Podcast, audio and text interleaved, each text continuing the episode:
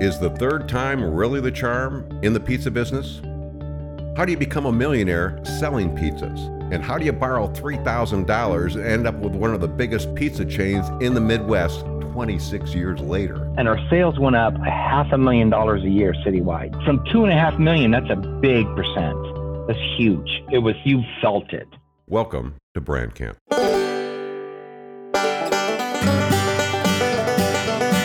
Hi, campers, and welcome to Brand Camp, where business goes to build their brand. We know no traction, no action, no marketing plan. Well, that's a losing hand. But if you say the right message in the right places, you're always going to get the right results. And that's what Brand Camp is all about. Today, we have a very special guest, Carrie Peterson, the pizza chain store magnet owner, and uh, just incredible success story, starting virtually from nothing to the largest pizza chain in the Midwest. Let's join Carrie Peterson from Northern Lights Pizza. Well, hello, campers. Welcome once again. Pull up a log, get around the campfire, and we've got a special guest this morning on our Brand Camp Pod Series, Masters of the Universe, Business Universe, with a guy named Carrie Peterson, who owns a pretty fantastic pizza chain in Iowa and other states, actually, called Northern Lights Pizza. Good morning, Carrie. How are you? Good morning, sir. I'm doing just stinking dandy. How are you doing? I'm doing awesome, thanks. And uh, don't just call me Chuck. Sir was my dad, and, and he's gone, but it's all good. And I'm, I'm excited and really delighted to talk this morning, Carrie. We got so much to talk about and so little time. First of all, just kind of give me the outline right now. As it stands, Northern Lights Pizzas, how many stores and how many locations? And we have two different models of marketing. We have a traditional store. We have the stores we call Dash, and they're about there are nine of each. Uh, the Dash store is what you find in a gas station or you know a little kiosk type of uh, express unit. Mm-hmm. And the traditional stores are are a model after like say uh, Papa John's.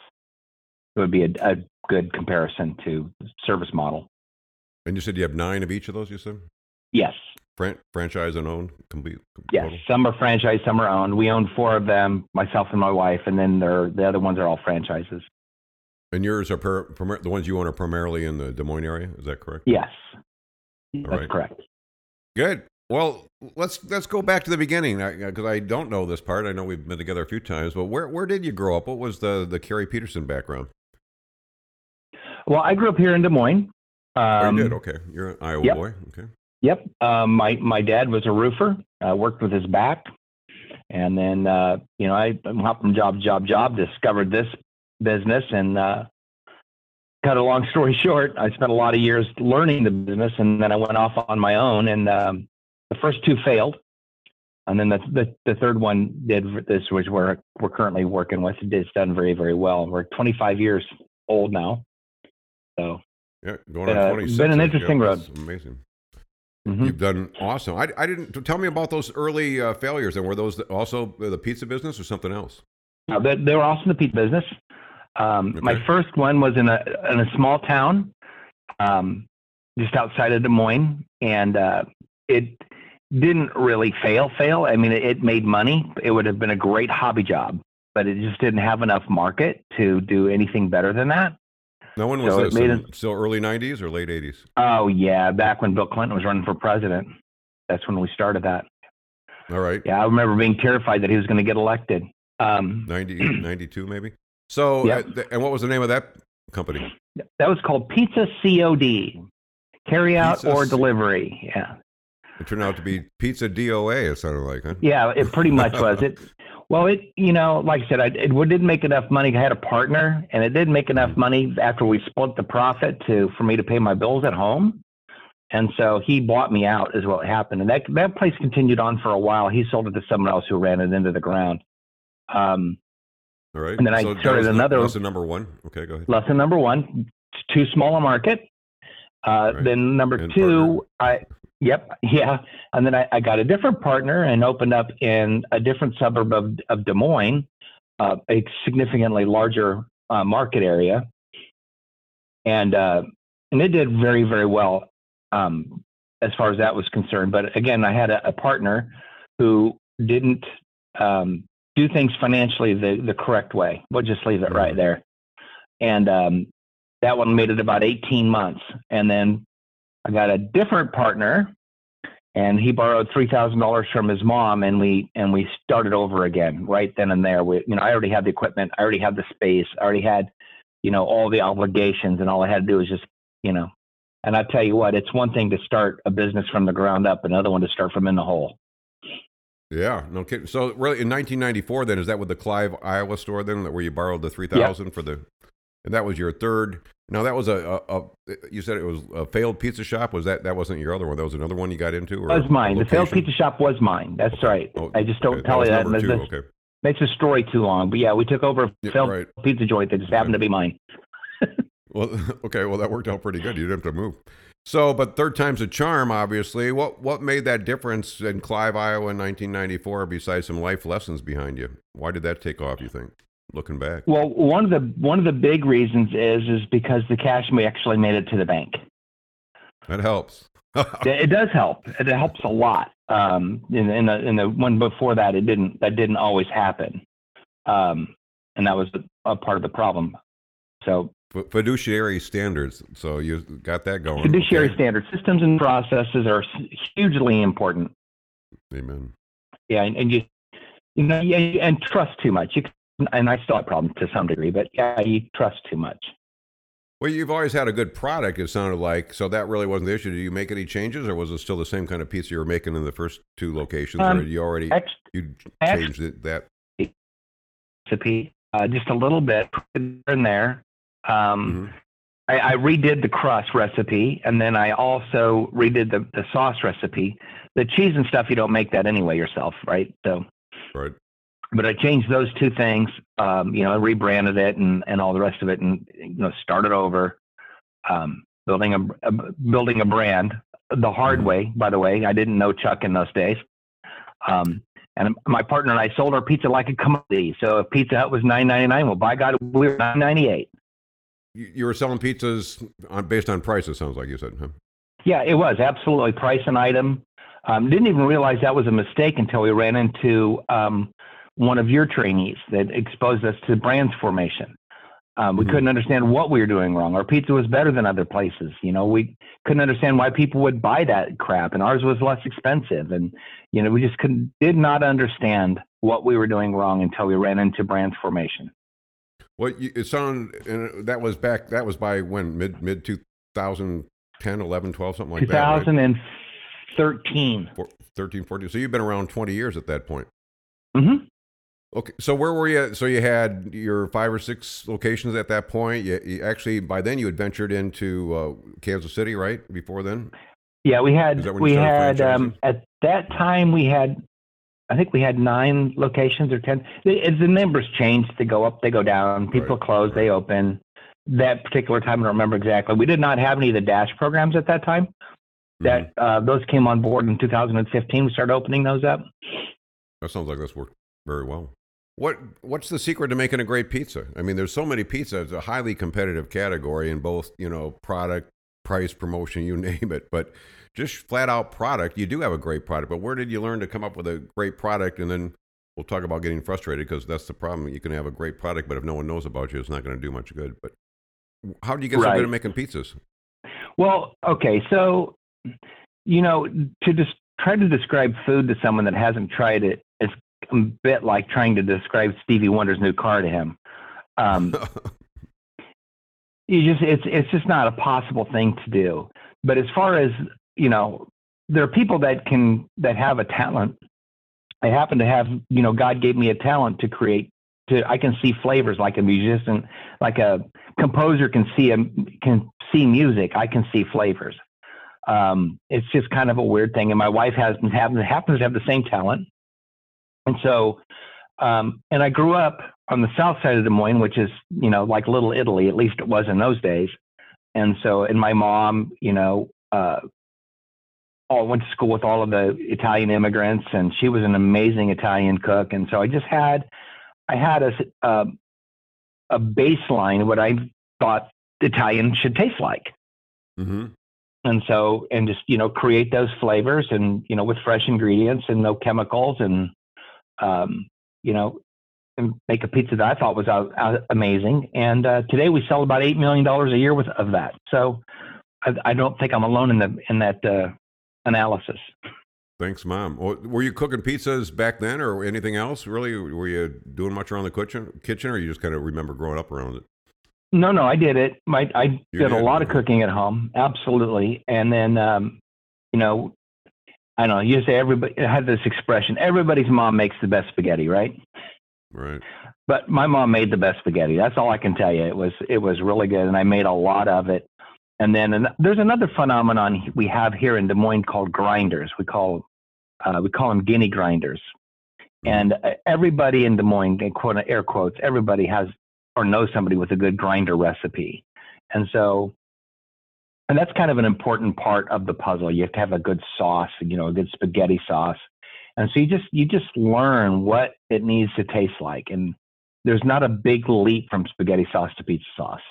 So that uh, having that kind of family secret's part of the whole thing too, then, right? The background, right? And right. And then, Peterson and then the sound too Italian. What was your mom's maiden name? Cross. Oh, okay. Yeah, she was an Italian at all. Okay. No, there's no, there's not an Italian in my boat, not a one. But wow. Well, but you, you know you down.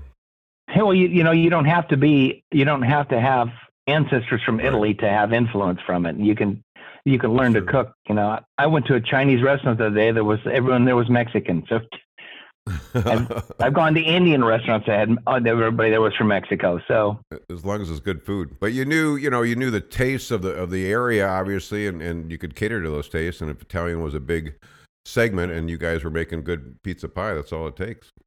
Yep. But there's but everyone's doing that. So but so uh, and before again we get to uh, marketing. What's what is uh, how did you come about with the, the home of the tasty crust? Where did that come from?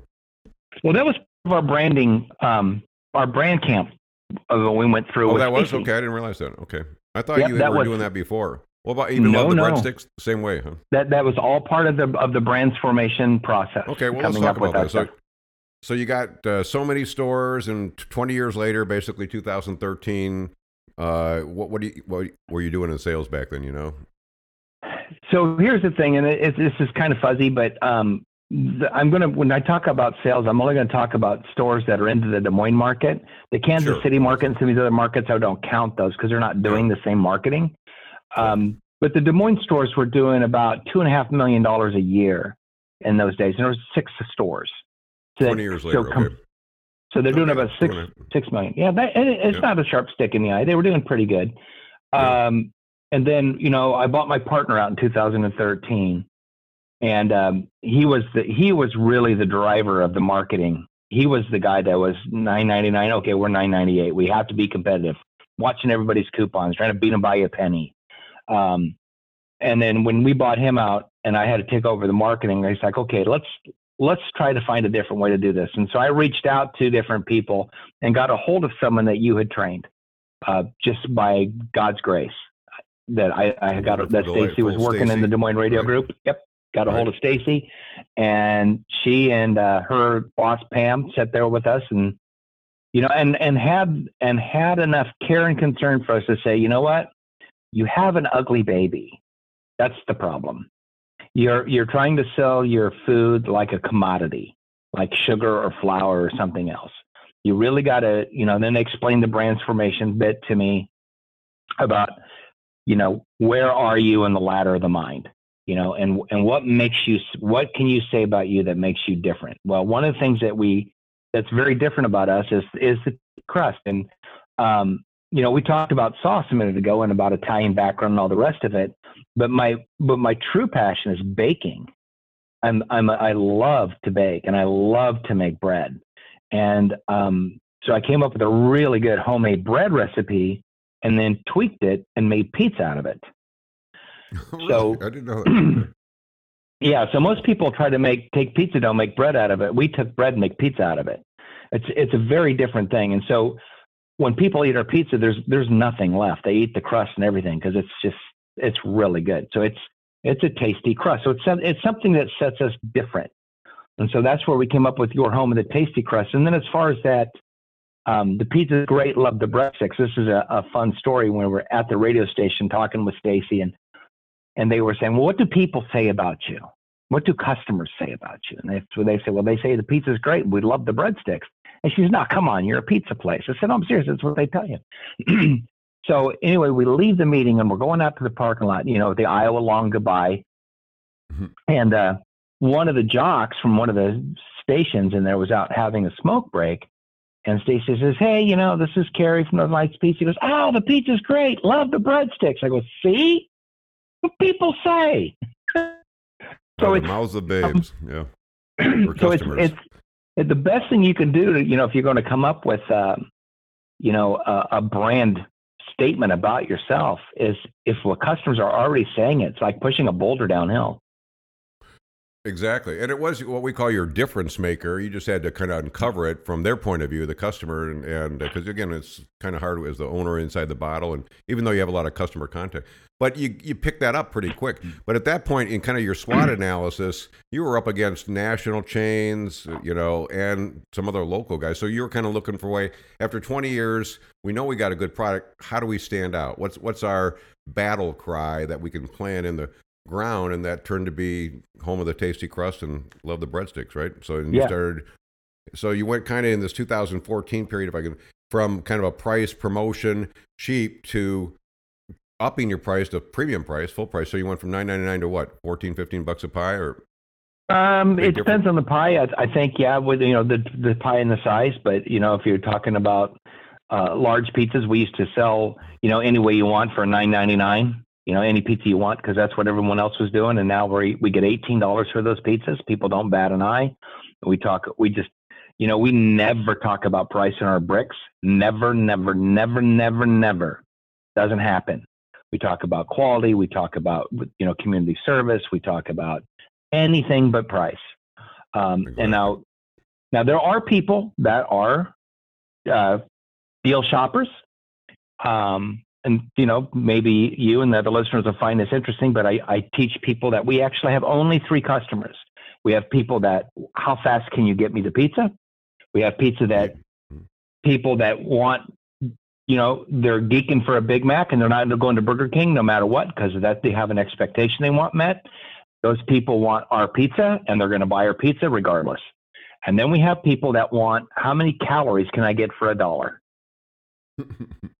you know, and they always identify themselves when you answer the phone. The, you know, the person that's in a hurry says, "What's your delivery time?" The person that wants your pizza just orders a stinking pizza, and the person that wants a deal will always ask for one. So we do have to have some deals to accommodate those those customers.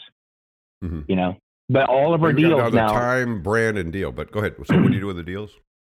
So what we've done with the deals is we've tied them all into bundles so that you can't tell what got discounted. So you say you want to, you know, like McDonald's does. You get that value meal, you get a you get a sandwich, a fry, you get a drink. If you get all three of those, we're going to deal off the three, 50 cents off or whatever it may be. Who knows?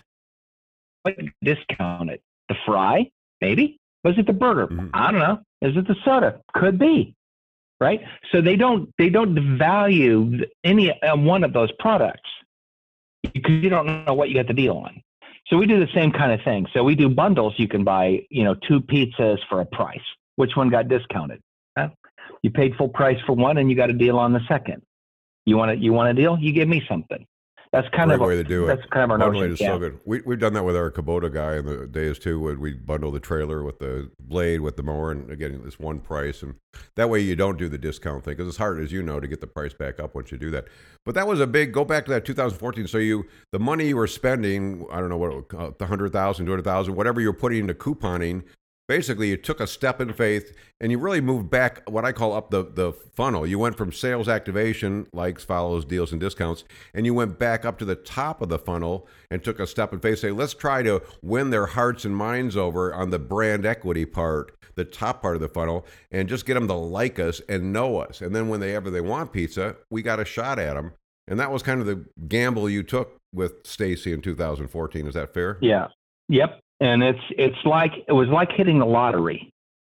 The the effect of that was phenomenal. So we we um, the first year we kind of we didn't jump all in the pool, you know. Mm-hmm. We'd put like one leg in, kind of like the hokey pokey, you know.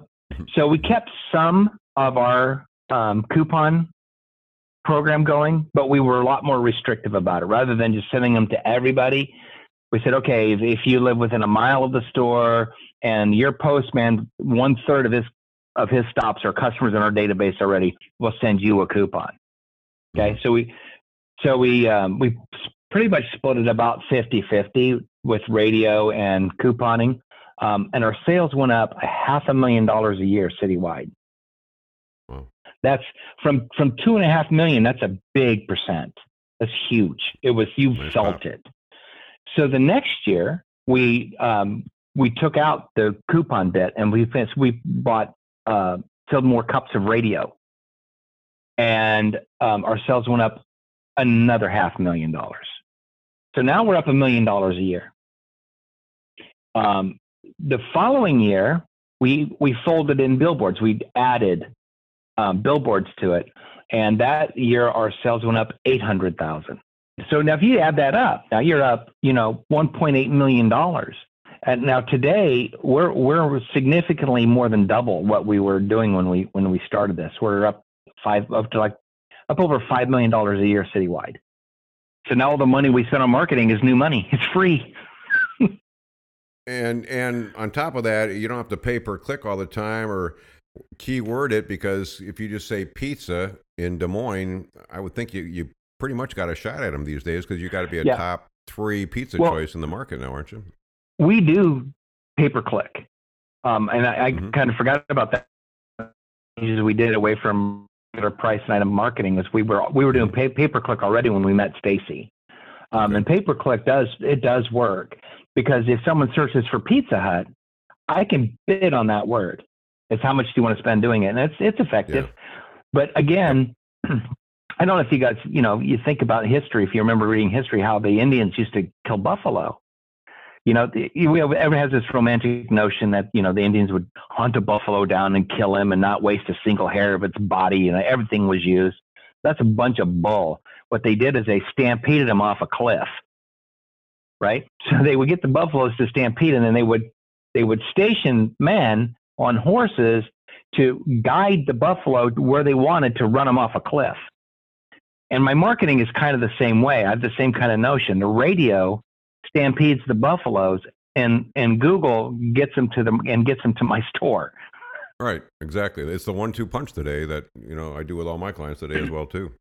We didn't yeah. have the internet in, in the old days, but you really that's what I call the top funnel and the bottom part of the funnel now, or the, what I call sales activation. So, yep. but you no, you can't beat that. I, I just think uh, the way you did it, and I see it over and over again. When you're a household name and you can do that in a local market, you can dominate the area and do that. It just seems that your dollars and, and your dominance is, is better than just trying to do it totally uh, on the internet, for instance, when you don't have to. And uh, the, you know, the other thing is, I think they know you with your voice and your personality. You know, you can't do that as much, obviously, on the bottom end of the funnel with sales activation. On the top, when you're building brand with your cup of coffee and telling people to like you every day with your stories, uh, that's how you, I think, really get into those, to the heart. And when you get in the heart, then you own the mind, of course. Uh, and right. you've done that well. I mean, you've been you're still omnipresent in Des Moines, telling people pizza stories every day, still, right? Yep, absolutely. So it's, it's been it's been an interesting ride. It's been a great ride. Where, what's the end game? Where you what do you what are you going to do with this thing? What's your exit strategy, Kerry? Well, my, well, first, my growth strategy. My, my goal is to have a chain like Domino's or Papa John's. That's the goal um, and I and I'm working to to that end. But as far as my exit strategy, um, you know, I'm I'm training my uh, my middle son to take over for me at some point when I can't do this anymore, don't want to do this anymore, whatever, to to take the horse and continue to ride it. So, you know, we're teaching him about, you know, the quality and the importance of quality and about the importance of listen to some salesman trying to come in and save you a dollar a pound on pepperoni, but he's going to give you a, a less a less a less good product. You know, just to stay good, to stand on your on the principles of consistency. You know, I like to. I always like to model after successful places, and you you look at McDonald's. You know, and and fortunately, I've had the the blessing to travel to different places in the world, and I went to India, and I don't know if you guys have ever been to India. It's a third world country. You know, they they put mothballs in the bathrooms, public bathrooms for deodorant. It's just it's a It's disgusting in many ways, yeah. but beautiful in many others. But I went to McDonald's in Delhi and got a fillet of fish sandwich that tasted exactly like it does around the corner. And if right. they can duplicate that in a third world country, the, the thing is, if you're in the mood for a McDonald's fillet of fish, you have an expectation that needs to be met, and you're going to go to McDonald's and you need that met. And if they fail to do that enough times, you lose the expectation. You're not going there anymore. And the same thing is true with pizza. So we have a certain flavor, texture, experience that we want to accomplish with pizza. So if you're like, God, am I just geeking for this tasty crust from Northern Lights Pizza? Um, that that expectation is met, and so you can't change, you know, um, things. There's a taco place here. Talk about local success stories. There's a taco place here called Tasty Tacos. They're 50 years old, and they're and they're they're. I mean, there's lines out the door every day. They, you know, all they do is a little bit of billboard marketing and stuff. They're just phenomenal. Well, then they changed the recipe. They changed the salsa and they changed the meat. I got it twice, and I haven't been back. I see their billboards, and I just I can't even get in the mood for it. I can't even talk myself into going back for that taco. And I ate them for 40 years. Hmm. No, well, it's the same family, but what happened is the kids, you know, they're smarter. And and you got to have a good product. I, I see you kind of more as a Chick Fil A uh, of the pizza realm because you've really got a premium product. But more importantly, like Chick Fil A, it's what you do beyond the product. And we haven't yes. got into it and, and, don't have a lot of time. But I know you're involved a lot with cause marketing, things that a successful business allows you to do for others. You want to talk about that for a minute and some of the things you do on the side to, to help other businesses and, and, people in the area? Uh, we do. Uh, yeah, we there there are some things that we do, um, and I, I, love the reference to Chick Fil A because I one of the things I did is I hired a guy to be a director of training and development, and when I was talking to him in the interview, he, you know, I said my goal is is to have a model like Chick Fil A, where you know where it is a, a mission field, where you know where yep. that kind of values, and so that's interesting that you put you brought that particular I one love up. those guys. I use them all yeah, the time now. They're they're they're, they're amazing amazing. And so this guy reached out to Chick Fil A and, and their corporate director of training and development, and he meet and have had several meetings to talk about you know their processes and stuff and handling people and developing mm-hmm. employees and what have you. So we're going to. They look at. I think they're in the customer service business and they just happen to sell chicken. Yeah, uh, exactly. So, you know, if you can, you got the product thing down and, and you teach your kid not to cheapen up and yada yada, and and then for him to grow it, he's going to keep that consistency, hopefully, and then keep throwing gas on the marketing piece because you've got a phenomenal product. You just got to keep figuring out what the best way to grow this thing. And I think you're going to be in great shape. One thing I didn't mention yeah. about uh, your partner in crime, Sandy. When did you meet Sandy? And she's still heavily involved in the business, right? Oh, absolutely. She's um, puts up with. I you. wouldn't be here without her. That that's for sure. Amen. Um, she's. Amen. I think she's poking around outside the office. I think she just got here. We had her grandbaby this last night, so she's a little slow getting out of the house. But um, I met her in 1986. Um, and I, at that time, I, I wasn't unemployed, but I did have a paper route. I was Kraft macaroni and cheese broke. Um, so, so we built this together. She was still in high school, and you know, graduated high school, got married when she was 19. Um, in 1988, and then uh, 1991, 92 is when we started that first that journey. And she's wondering what am I doing in this failed pizza store with this guy? Yeah. in 92 yeah. or whatever that was. You know, in 1988, she says, I do. In 1989, she said, I did what? yeah. And I, I dough, I not do. what am I doing yeah. with all this dough? Pizza, not the kind of dough she was thinking about. But it's turned yeah. out great. And, and I know you do a lot of mission work together and, and things like that too. And you, you're really at what I call that fourth stage of a business where you, you really focus on how can I give back. And uh, I just I congratulate you're just a model business, and not only you're a master of the business universe, you're you're taking that uh, the wealth that you created as and and using that to help others. Uh, the actualization or the significant, and uh, just the fact that you give back to that for, what I call that yeah. again the fourth stage. And we, and we, and, and we got fun. distracted, but there's but there's another thing that's really so in yeah. in the Des Moines area, we have first place is Des Moines is the fifth most saturated market for pizza in the country. Okay, I'm glad I didn't know that when I was helping you out. yeah, wow, I had no idea. A, there's so much pizza here; it's crazy. Um, but so in Des Moines, there's a there's a chain called Papa Murphy's, and it's a take and bake chain. And um, I met the owner of five of these stores at a at a Christian business uh, networking thing we do here in Des Moines, and um, and he and I, and this is his passion. He his his passion is people development, and he happens to sell pizza in the pizza business to do it. My business, my passion is pizza, and developing people is a sideline, right? But we got together and we decided that we're going to do a um, a camp, basically a training, leadership training for restaurant workers in the Des Moines area. It's free. All they got to do is show up.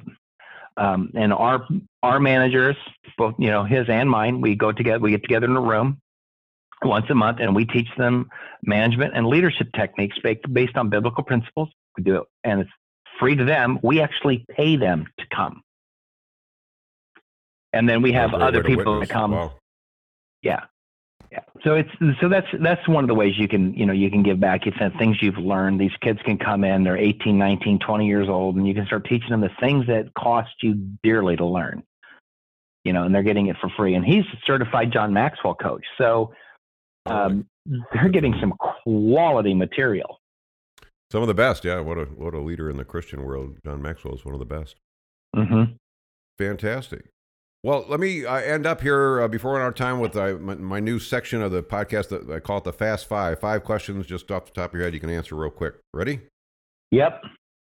Favorite movie? Favorite movie? Oh, um, Monty Python and the Holy Grail. One thing you wish you knew back in 1994 that you know now. Oh, um, brands brands formation. I'll send you the check. Favorite hobby? Favorite hobby? Probably fishing. What do you do outside of pizza? Okay, you go fishing once in a while. Okay, I'll say I'm glad to do that. You just don't you don't throw pizza on your line, on the hook. Uh, favorite no, vacation uh-uh. spot? Favorite spot in the world besides Des Moines? Oh boy, um, I would say Europe, France. You got to France. Okay, good. Yeah, the Normandy area Israel is beautiful. Too. I've been to Israel. Mm-hmm. Yep. And and uh, you're you're a heck of a world traveler. And favorite thing about owning a business? Uh, you know, really is the opportunity to give back and to grow people. It really that is the best. Amen. And you continue to give back and grow, and as you did in our interview this morning. And I can't thank you enough for joining us today, Carrie. I, I wish we could do maybe we'll have to do a part two because you've got so much to offer and never enough time. But thank you so much for joining us on Brand Camp and, and sharing some of the secrets of uh, business success, master of business success. And uh, we'll talk to you soon, hopefully. All right, man. Thanks. Continued success. We'll look for you in the bright lights next to Pizza All right, buddy. This podcast is produced, edited, and recorded by Wild and Free Studio and Productions.